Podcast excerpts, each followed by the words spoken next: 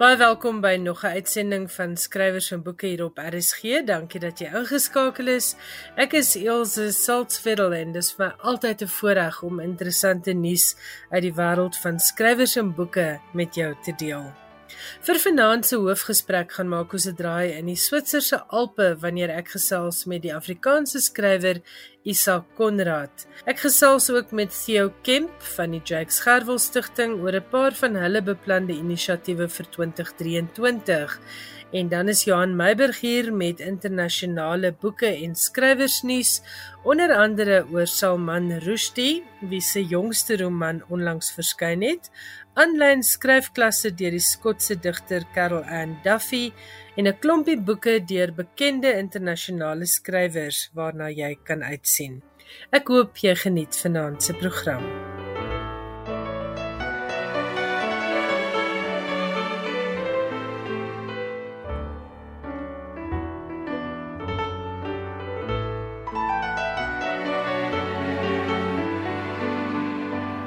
Die omstrede skrywer Salman Rushdie was verlede jaar die slagoffer van 'n gruwelike mesaanval tydens een van sy openbare optredes.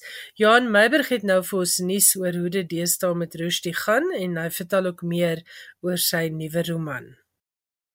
In sy eerste onderhoud na die aanval in Augustus verlede jaar in New York, het Salman Rushdie aan The New Yorker gesê hy is dankbaar dat hy die aanval oorleef het. Die 75-jarige Rushdie was op 12 Augustus besig om 'n voordrag te gee oor die belang van asiel vir uitgeweke skrywers in die FSA, toe 'n man hom op die verhoog met 'n mes in die nek en bors gesteek het. Rushdie het die gebruik van sy een hand en die sig in een oog verloor. Die groot wonde het genees, het Rushdie aan The New Yorker gesê. Hoewel ek dit moeilik vind om te tik omdat ek nie gevoel in my vingers het nie. Ek vind dit baie baie moeilik om te skryf. Ek gaan sit om te skryf, maar niks gebeur nie. Ek skryf, maar dis 'n mengsel van dofheid en prul. Alles goed wat ek die volgende dag skrap. Ek is nog nie uit daardie woud nie. Die 24-jarige Hadi Matar is na die aanval in hegtenis geneem en word aangekla van poging tot moord. Aanduidings is dat Matar uitvoering wou gee aan die fatwa, die doodstraf wat die destydse Iranse Ayatollah Khomeini oor Rushdie uitgespreek het na die verskyning van The Satanic Verses, 'n boek waarin die voorstelling van die profeet Mohammed opspraak verwek het. In die onderhoud sê Rushdie hy deur die jare hard probeer om verwyd en bitterheid te beveg. Een van die maniere waarop ek die hele affære beskou is om vorentoe te kyk en nie terug nie. Wat môre gebeur is belangriker as wat gister gebeur het. Intussen het Rushdie se jongste roman Victory City, 'n roman wat voor die aanval reeds by die uitgewer was, verskyn. Andrew Wiley, Rushdie se agent, het onlangs aangedui dat die skrywer nie enige openbare optredes beplan om die boek te bemark nie. Dankie Johan. Salman Rushdie se nuwe roman Victory City word in Suid-Afrika uitgegee deur Penguin Random House.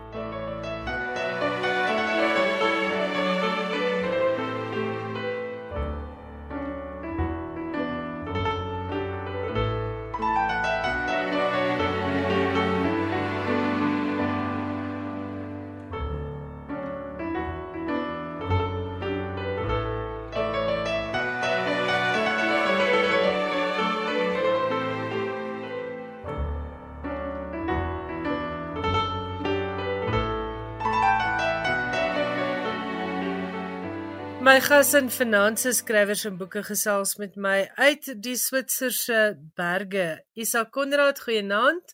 Hartlik welkom by Skrywers en Boeke. Baie dankie Ilse, ek is so bly om hier te wees.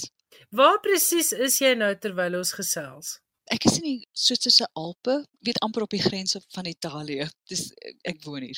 Kom ons praat 'n bietjie oor jou boeke. Jy het onlangs weer 'n heerlike nuwe boek op die rakke gehad, Vleisfees op Karibib. Dit is jou derde Karibib boek uh wat begin het met Moord op Karibib en daarna Doodsake op Karibib en dan nou Vleisfees op Karibib. Maar dit is uh maar 3 van jou baie boeke. Ons het jou in 2012 leer ken met die Soenoffer en dan was daar toekomsfiksie. Daar was 'n roman wat afgespeel het in die opera wêreld. So kom ons praat bietjie net oor Isak Konrad, die skrywer. Hoe en waar het alles vir jou begin as skrywer? Ehm um, dit het begin met swangerskap.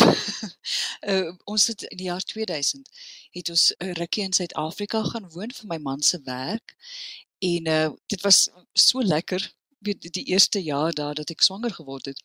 Maar ek is weet ek is een van daai vroue wat nie mooi swanger is nie. Weet ek is ek ek word teruggetrokke en weet mense hele wêreld draai om die babatjie en, en alles en nou toe my my seentjie my laaste kind 'n babatjie was het ek aan die lees geraak want ek het nie veel uitgegaan nie. En uh en die die leser het my so gefassineer. Dit was die eerste keer in my lewe wat ek regtig fiksie ontdek het. Ek weet ek was nie meer bloedjonk nie, maar ek het van tevore meer weet akademies gelees en uh toe ek die fiksie ontdek toe toe was dit my so fascinerend dat ek wou uitvind hoe stories geskryf kom. En uh toe ek 'n uh, 'n skryfkursus deur London School of Journalism aanlyn gedoen en die manuskrip wat ek vir die kursus geskryf het, het ek vertaal in Afrikaans agterna, weet nadat ek dit deurgekom het en vir Lapa ingestuur en wonder bo wonder was hulle bereid dat ek daaraan kon werk totdat dit gepubliseer kon word. En dit, dit was my eerste boek.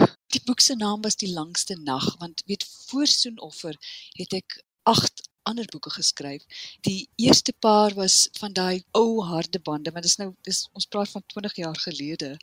So dit was die ou harde band boekies wat hulle gehad het en die die eerste boek wat ek geskryf het was so 'n uh, tipe spionasie liefdesverhaaltjie. So was dit in die tyd van JP van der Walt nog, die boekklub uh boeke. Eh, ja, ek dink so, ja.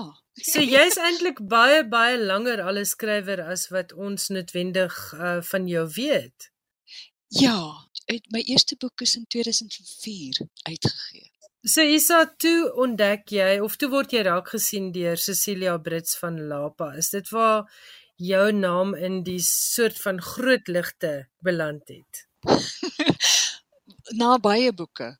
Wie ehm na die die langste nag, die die eerste boek wat ek geskryf het, het goed gedoen wat ek dink almal verbaas het by Lapa. En toe toe het my uitgewer van destyds is my Smith, wat sy was by Lapa en ehm um, sy toe 'n vergadering met my en Cecilia en 'n paar weet van die ander mense daar gereël. En toe het ek gegaan en dit was die eerste keer wat ek Cecilia ontmoet het en sy het vir my gesê as jy bereid is om jou dinges af te werk, sal ek eendag vir jou enkeltitels gee. En toe moes ek my dinges nog vir ag boeke afwerk voordat sy my my eerste enkeltitel gegee het. En dit was nou Sinoffer en uh dit was 'n boek wat my um hart uitgeruk het.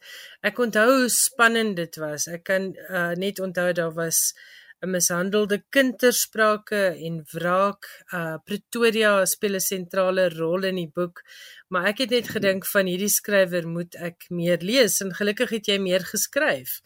Wil jy vir ons so oorsig gee oor jou skryfwerk vir Lapa die afgelope paar jaar?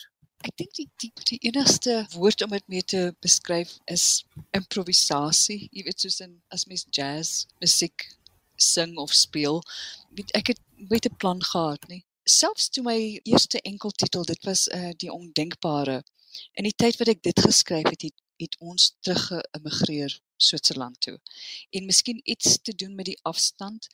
Is daar ook 'n afstand in my oor die verwagtinge miskien? Weet um van my uitgewer se kant af en en van die leser se kant af sodat ek altyd 'n vryheid gevoel het om te skryf wat ook al in my kop is. Jy weet enige storie waaroor dit ook al gaan en en ek ek dink nie so erg aan genres of so nie omdat daar geen verwagtinge is nie het ek hierdie ongelooflike vryheid en voorreg om te skryf uh, waarvoor ek lus is enige idee in my kop en dis seker maar wat my loopbaan tot dusver gedefinieer het.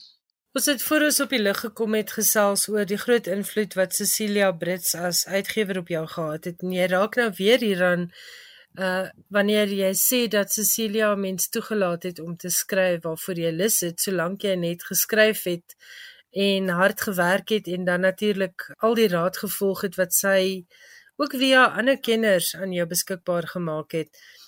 Ek is baie geïnteresseerd in die wye klomp temas waaroor jy geskryf het want dit is letterlik van 'n roman wat afspeel in die uh Oostenrykse musiekwêreld, opera wêreld as ek nou reg onthou, oor diva tot toekomsfiksie. Nou jy sê dit is nou maar so so bietjie soos jazz en improvisasie, maar mense het tog verskillende vaardighede nodig vir verskillende soorte boeke. Weet jy die die kosbaarste raad wat ek by Cecilia Brits gekry het is lees sy het vir my gesê lees.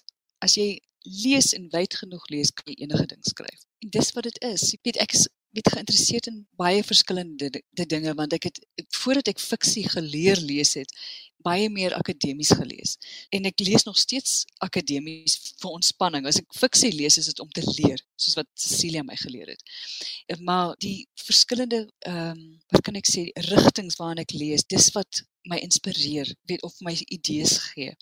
En dan volg ek Cecilia se raad. As as ek 'n idee kry in 'n sekere rigting, soos met wetenskap fiksie, die boek wat ek daarom geskryf het, weet 'n um, toekomsmens.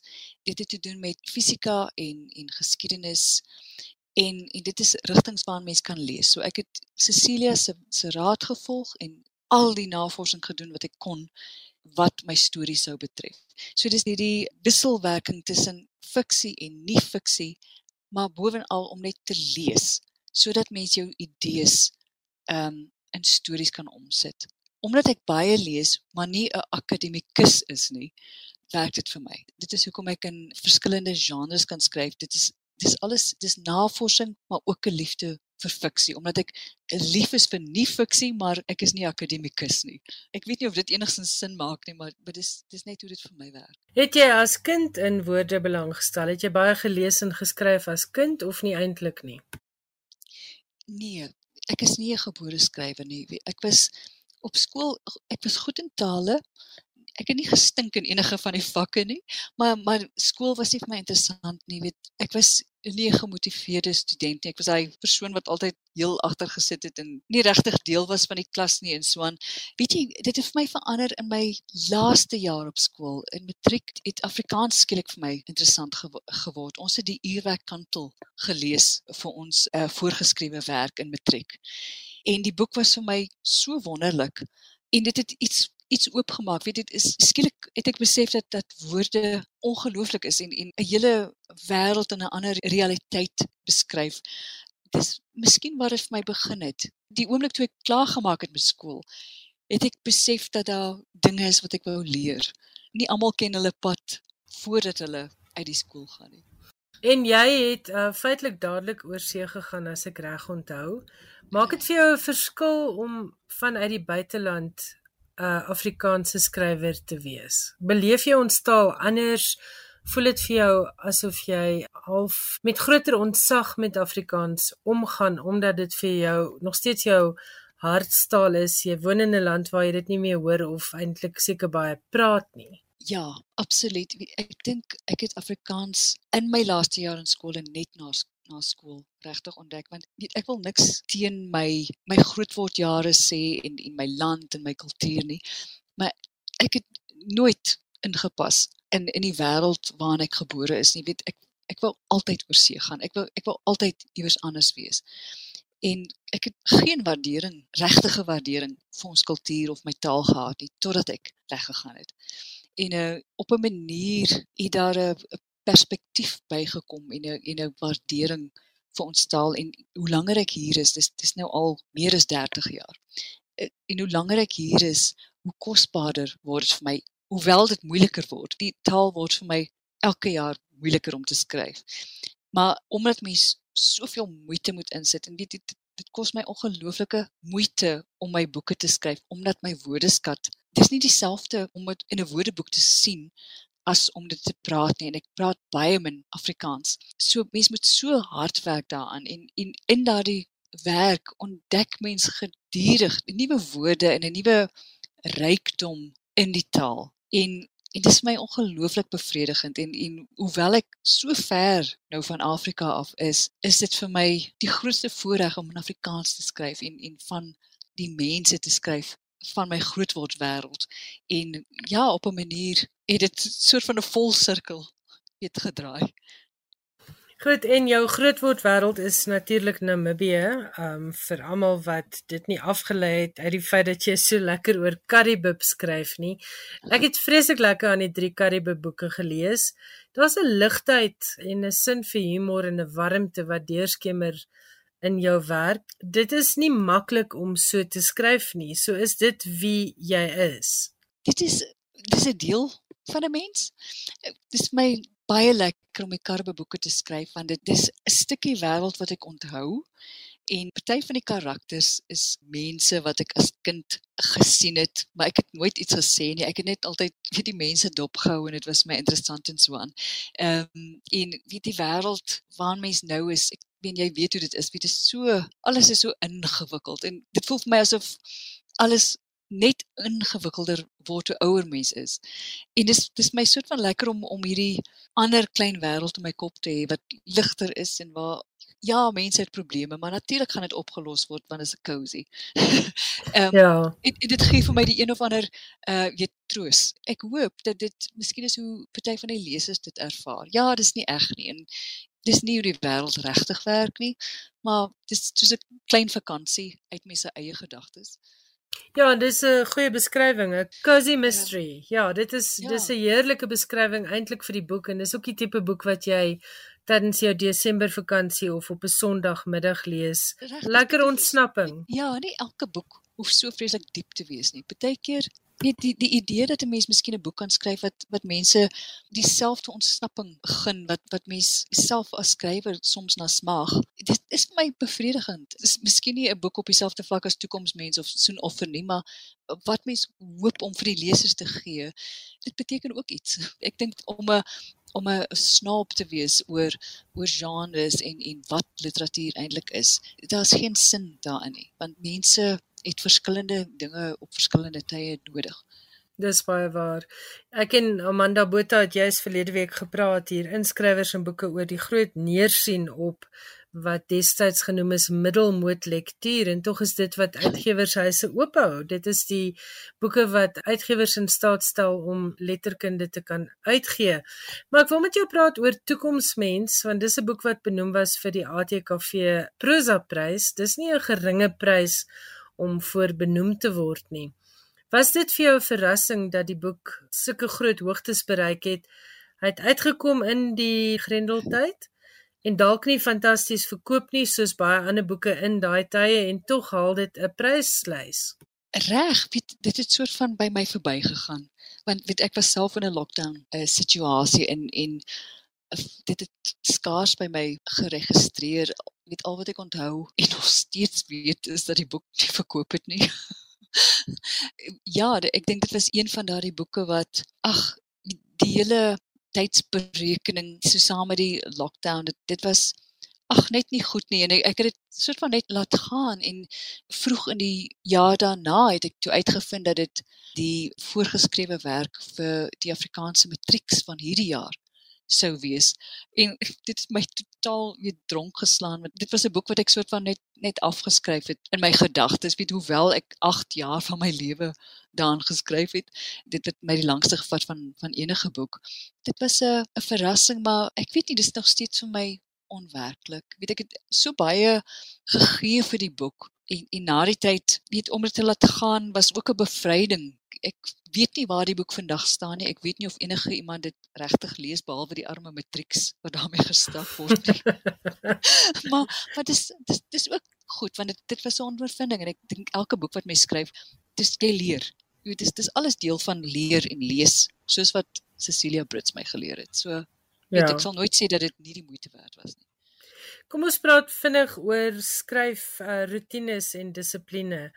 Ons het ook voor ons op die lig gekom het bietjie gesels oor kreatiewe mense wat nie noodwendig doeners is en agter 'n rekenaar wil sit en boeke skryf nie, maar hoe ervaar jy die skryfproses en waar begin 'n boek vir jou by karakters, by 'n koerantartikel, hoe gebeur 'n storie? Gewoonlik kry ek 'n idee uit iets wat ek lees want ek slaap nie vreeslik baie snags nie. So weet so 3 uur se kant in die nag het ek altyd sê maar so 2 ure wat ek wat ek nie slaap nie.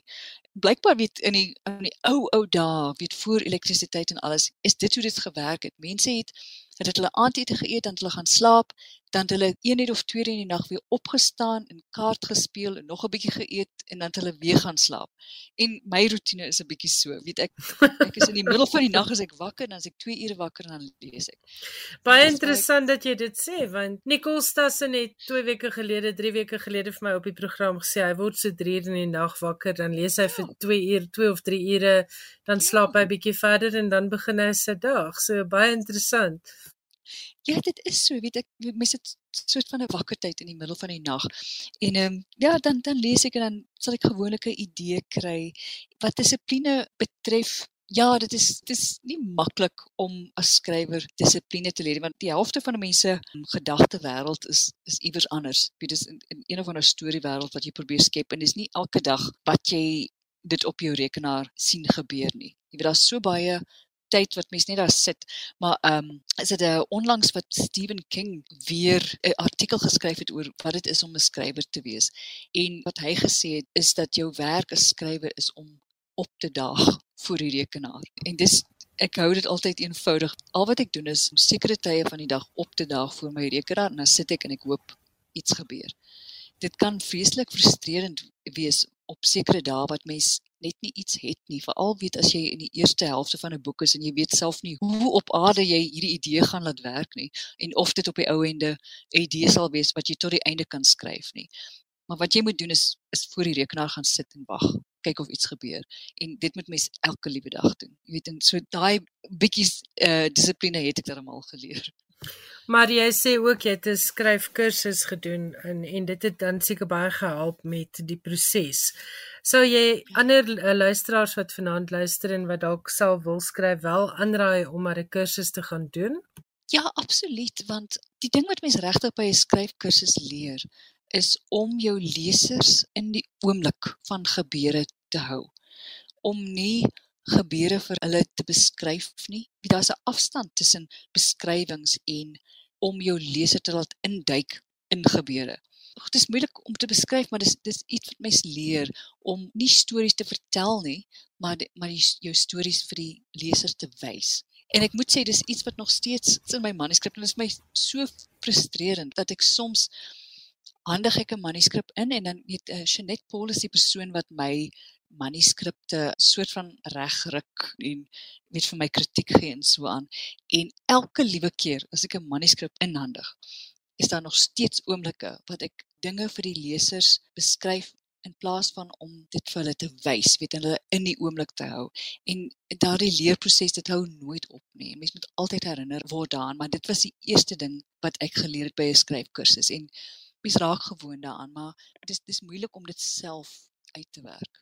En dit sê jy nou 15 boeke op jou kerfstok. So ek dink ons kan almal maar 'n stukkie van daai raad vat en net opdaag en dan al die regte dinge gaan leer iewers.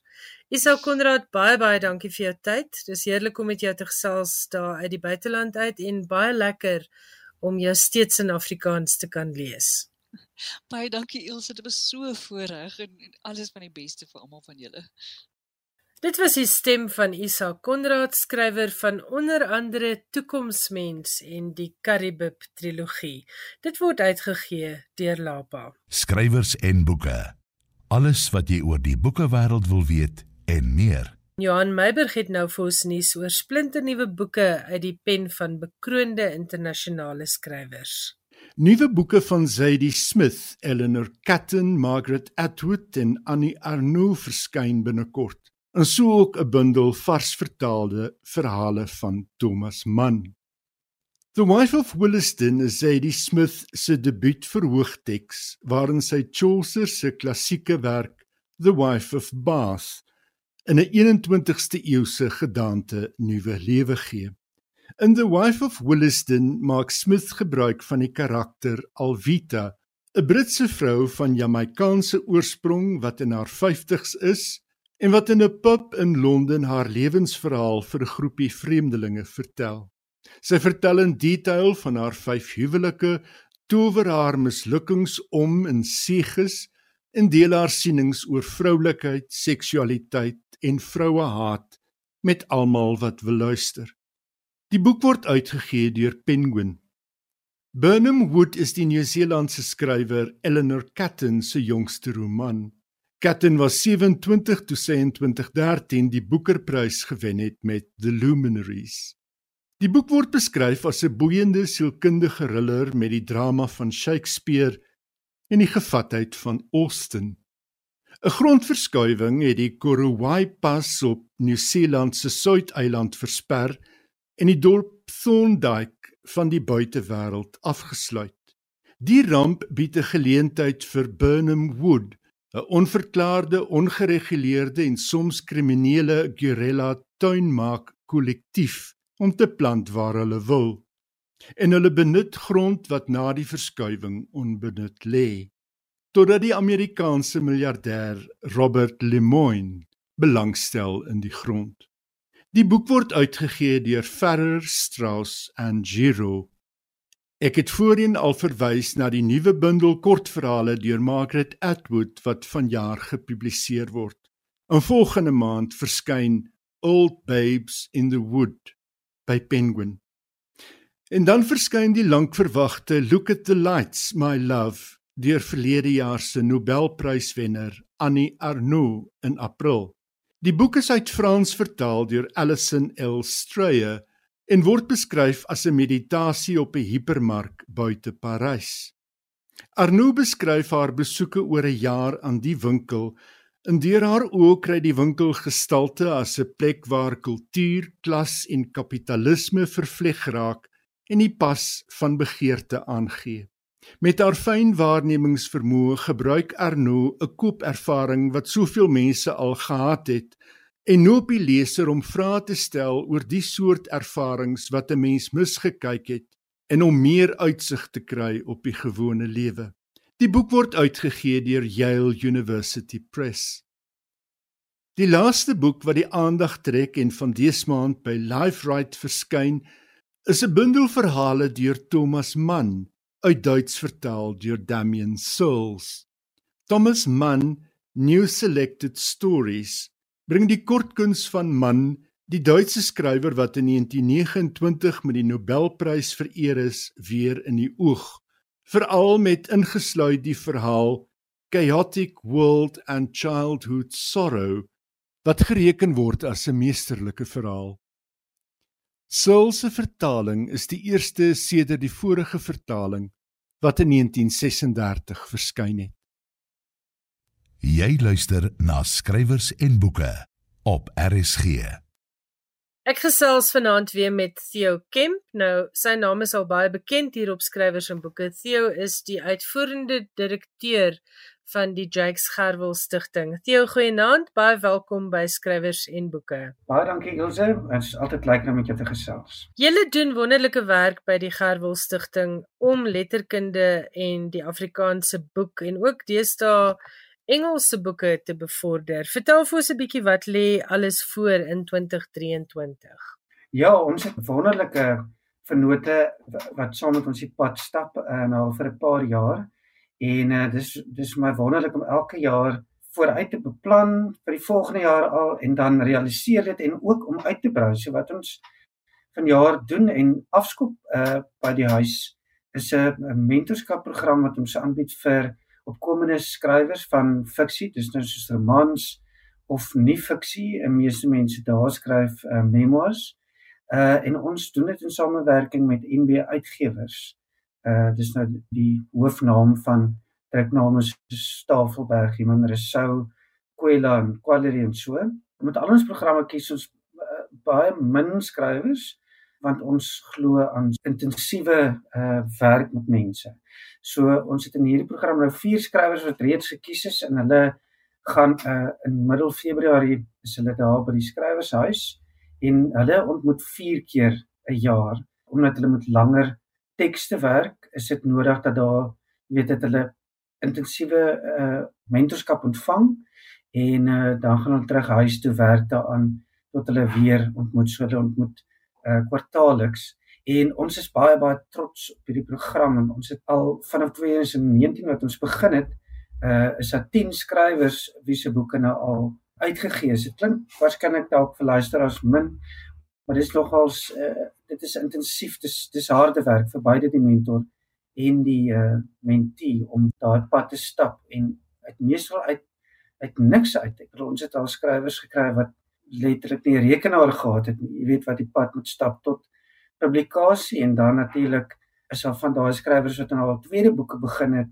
derde boeke, jy weet so dit maak ons gerus dat ons dan sodoende voldoen aan ons uh, missie en dit is om skrywers te ontwikkel wat voorheen nie die geleenthede gehad het nie en ook stories na die letterkunde te bring wat nog nie gehoor is nie of nog nie voldoende geskryf is nie. So dit is vir ons 'n uh, 'n wonderlike voorreg en 'n wonderlike vennootskap met uh, en die uitgewers. En julle sit wonderlike nuwe stories in die openbare ruimte. Ons kry nuwe boeke om te lees en ons kry ook nuwe insig in mekaar se lewens want ek dink dit is die ander ding wat ons kort in die land is om bietjie meer van mekaar te weet.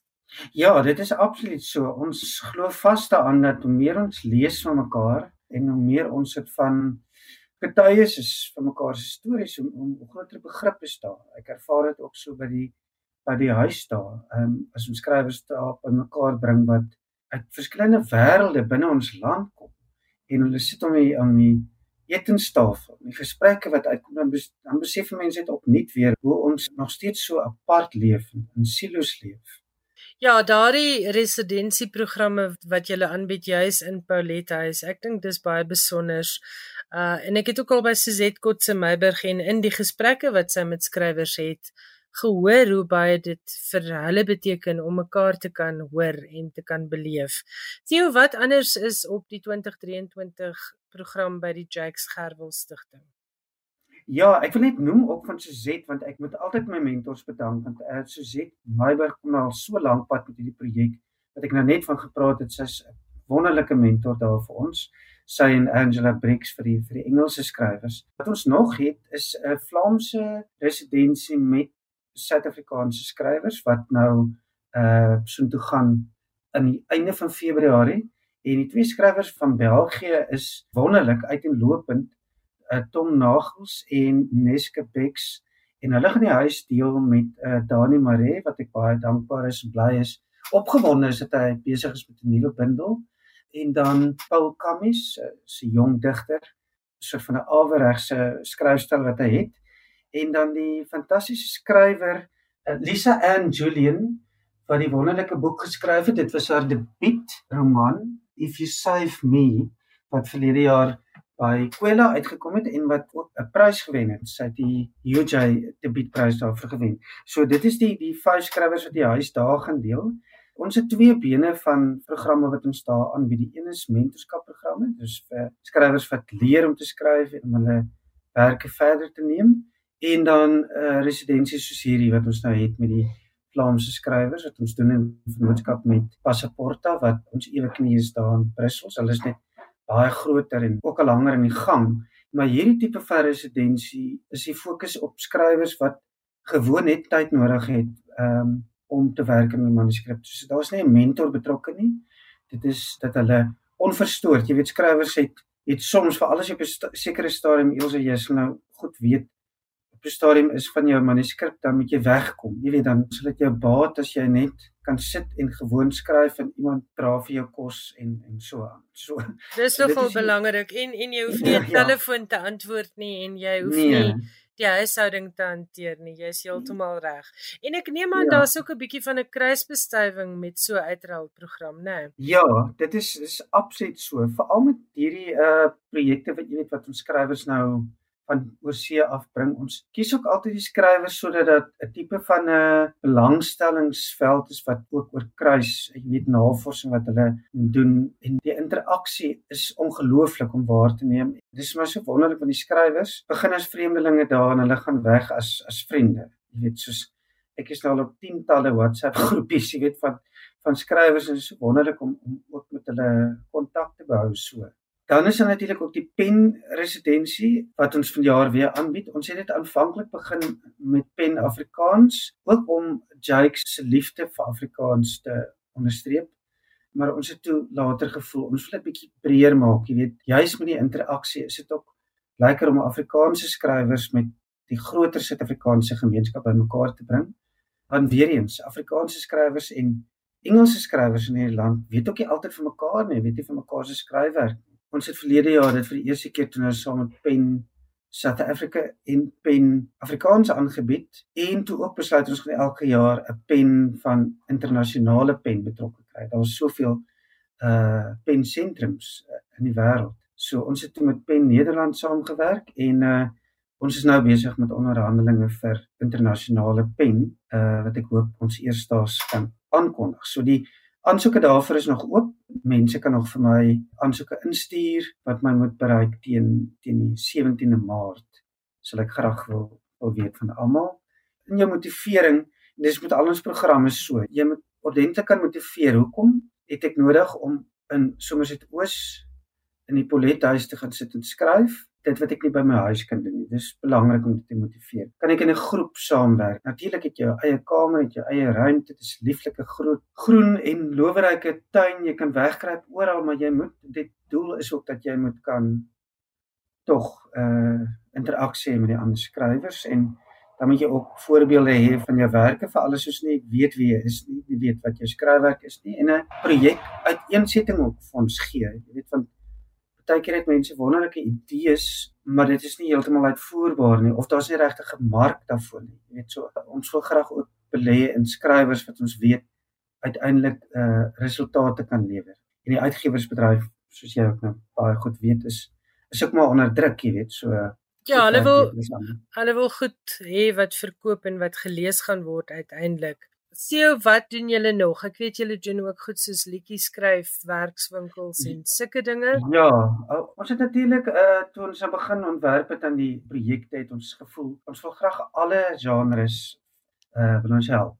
So daarom het ons programme wat ons aanbied saam met Nati, die Nasionale Afrikaanse Teater Inisiatief, uh die Suidoosterfees, die Kunste Kaap en die Teksmark van die KAKNK. So saam met al daai vennote bied ons byvoorbeeld kursusse aan vir opkomende dramaturge. So ons neem die groep dramaturge soms uit Oos toe vir 3 weke. Ons het Leanne van Rooi, die fantastiese aktrise en teatermaker, sy is die mentor en dan uh na daai 3 weke word hierdie gepoleerde tekste word dan uh reggemaak vir die Suidoosterfees vir die daaropvolgende fees, jy weet, so ons werk altyd so jaar vooruit. So daai jongsterre wat ons nou noem van verlede jaar wat nou geskryf het en so besit oos hulle werke gaan dan uh, hierdie jaar op die Suidoosterfees program is.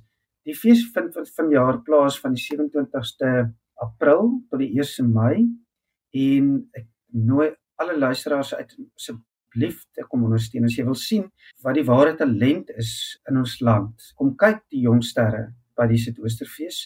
En natuurlik ons het elke jaar 'n uh, beskoursreeks wat ons aanbied, ook weer in lyn met Jacques Gerwel se absolute geloof en ondersteuning van oop gesprek en 'n volwasse gesprek en ons het dit deesdae so nodig in hierdie land. Dit voel soms maar almal gil op mekaar en luister nie na mekaar nie. So ons bied diskourse aan sodat mense praat oor aktuelle stories, maar dit is ook vir ons 'n lekker uh, ruimte en 'n platform om ook die skrywers wat reeds deur ons hande is of deur ons deure is, die geleentheid te bied om hulle boeke daar te kom bekendstel. Ek dink aan mense hier soos Lord Souls wat ehm um, verlede jaar deel was van ons residensie met Pen Afrikaans wat gaan praat oor sy nuwe bundel Moerstaal. En dan soos ek sê meer dieper gesprekke. Daar's byvoorbeeld Jacques Pau en Pieter de Tooy wat kom praat oor hulle navorsing wat hulle gedoen het vir hulle onderskeie boeke the ANC Billionaires en Jacques Pau se Our Poisoned Land. En hulle kom praat jy weet oor wat is die uitdagings om sulke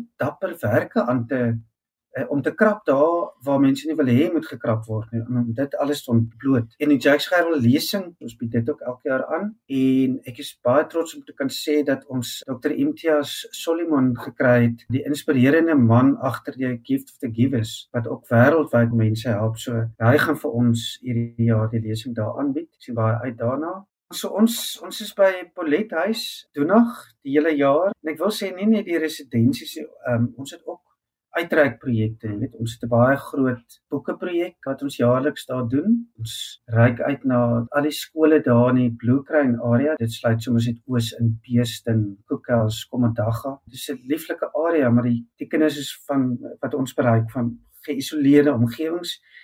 En ek is altyd bekommerd vir al die plaaskooltjies wat leegloop en die kinders wat dan kilometers ver met skool toe gaan na dorpskool het nie altyd daar uitkom nie. En ons weet nie eintlik wat van hulle word nie, maar in elk geval ons neem dan boeke wat ons saam met uh, ons vernoot boektas wat die boeke vir ons baie bekostigbaar druk. Hulle het 'n wonderlike konsep. Hulle bring uh, skrywers en uh, illustreerders bymekaar letterlik vir een dag en sê nou sit jy en nou skep julle hierdie boeke ehm um, en hulle doen dit gratis en verniet en die boeke koop ons dan aan vir baie goedkoop en dit is alles eie tydse stories van Afrika, van Suid-Afrika. En ons dit is in Afrikaans, Engels en uh eh, isiXhosa.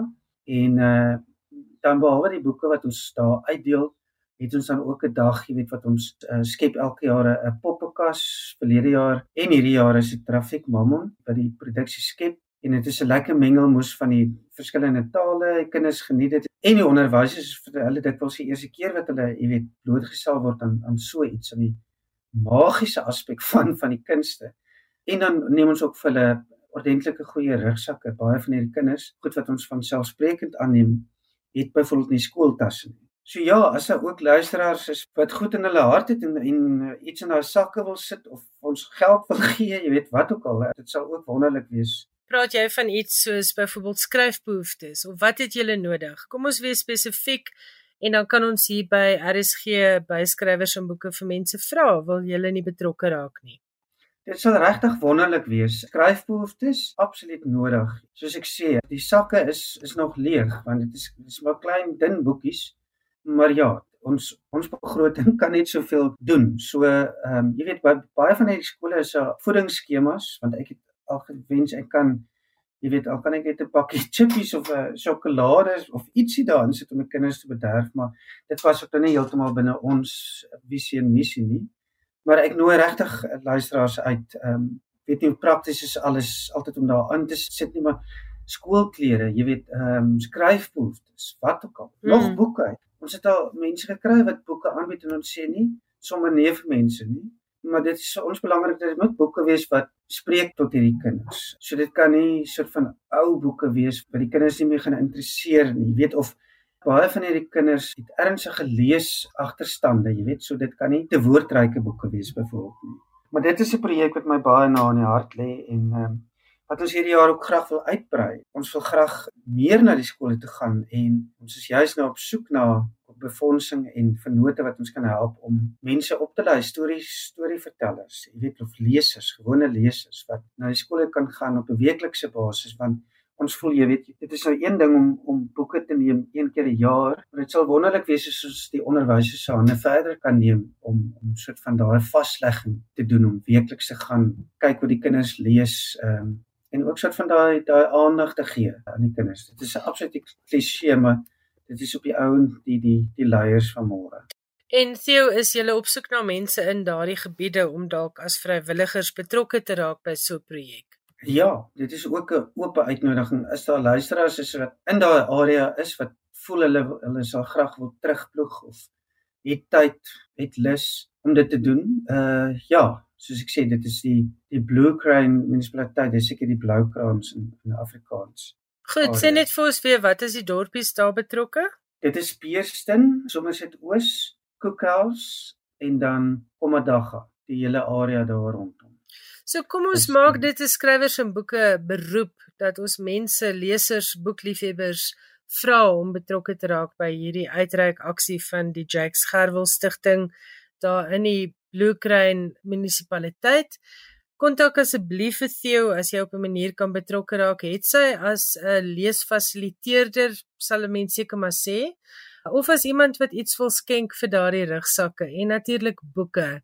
En ek vra ook altyd vir luisteraars om deur hulle boekrakke te gaan en alles wat jy nie meer lees nie, asseblief tog te deel met iemand op jou dorp, 'n skoolbiblioteek, bejaardes se biblioteek. So hier is weer 'n kans. Asseblief ondersteun vir Theo.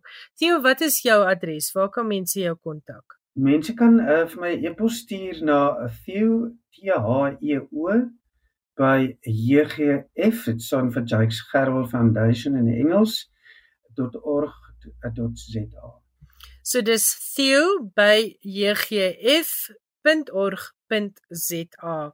Theo Kemp, altyd lekker om met jou te gesels. Ons sal 'n bietjie meer in diepte gesels later in die jaar oor nog van julle projekte, maar wonderlike werk wat julle doen en baie baie dankie ook aan mevrou Phoebe Gerwel vir alles wat julle doen vir Afrikaans, vir lesers en vir Suid-Afrikaanse lesers. Baie dankie. As jy met Theo Kemp van die Jakes Gerwel Stichting wil kontak maak, sy e-posadres is theo@jgf.org.za en JGF staan natuurlik vir Jakes Gerwel Foundation. Jan Meiberg het nou nuus oor aanlyn klasse vir digters en dit word aangebied deur die bekende Skotse digter Carol Ann Duffy en is ook vir Suid-Afrikaners toeganklik. Carol Ann Duffy, die Skotse digter wat van 2009 tot 2019 die eerste amptelike vroue digter van die Verenigde Koninkryk was, het nou kragtig gesnoer met BBC Maestro, 'n projek van die Britse Uitsaai Korporasie om, so sy dit stel, mense weer onder die indruk te bring van die vreugde van poësie. Die oogmerk met die 25 aanlyn lesse is om mense aan te moedig om poësie te skryf, geskoei op hul herinneringe van 'n liefdesverhouding, 'n tyd van rou of 'n viering van watter aard ook al. Die gebruik van straattaal is die soort taal wat sy met die projek wil bevorder en in 'n lusmaker vir die reeks het sy onder meer 'n sonnet beskryf as 'n gedraag glas port en 'n haiku as 'n soepie tequila.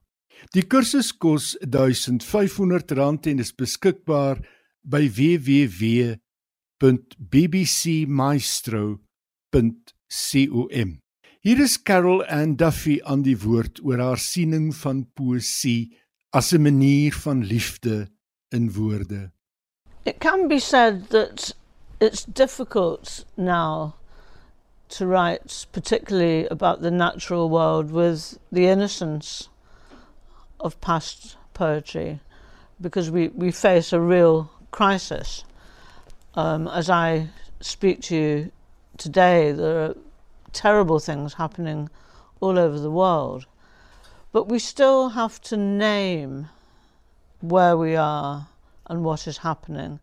Poetry about the natural world shouldn't be a fantasy, it, it should have the same harsh truths in the poetry as it does have in the natural world. And indeed, the history of poetry reflects what has happened in the world. If you look at how poetry changed after the First World War, a catastrophe for, for the world, poetry began to fracture.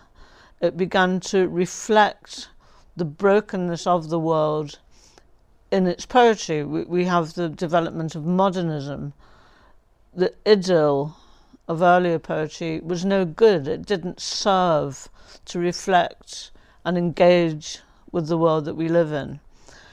But naming is important, and this is what we're, we're trying to do here, I think, is, is think, yes, I've, I've noticed, I've listened, I've been still, I haven't written anything, but now I must come to the paper and I must find the words which do justice to what I'm looking at.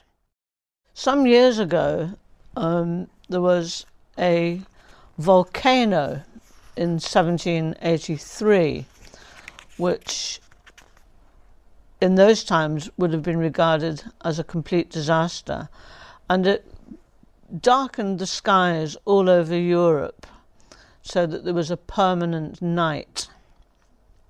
And there was a young boy who was 10 called Luke Howard, who was appalled and terrified by the effects of this volcano. And he started looking up at the sky. Eventually, he would have seen the sun come back, the light return. But it developed in him a habit of looking up. And he was the first person, through doing this, who named the shapes of clouds. So we can think of him as an example for us as poets. He didn't write anything, he was just looking. But eventually he came to his page and he wrote. This is a little poem of mine just about him. Luke Howard, Namer of Clouds. El Eldazar and Asamayama, 1783, erupted violently. A great fog blending incredible skies over Europe. In London, Luke Howard was 10, the sky's lad then.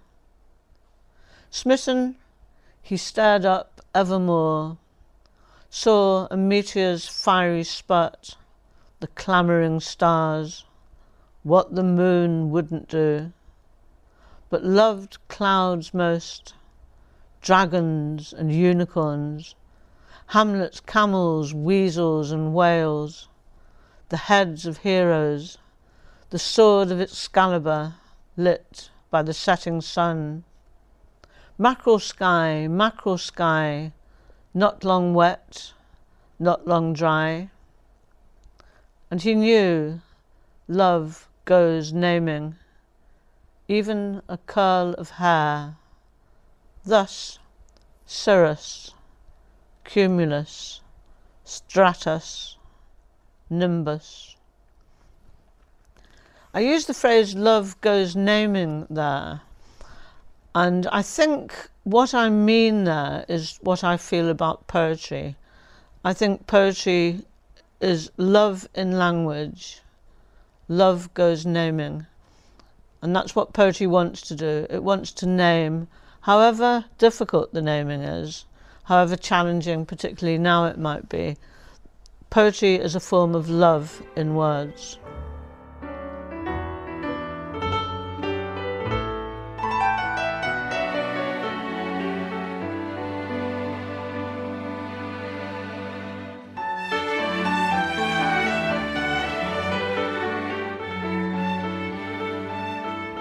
Dit was die stem van die Skotse digter Carol Ann Duffy en sy het gesels oor hoe sy poesie sien. En aan Johan Meiburg baie dankie weer eens vir al die interessante bydraes vanaand.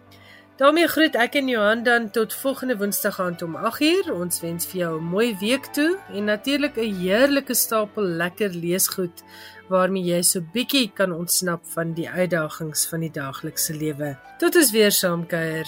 Totsiens.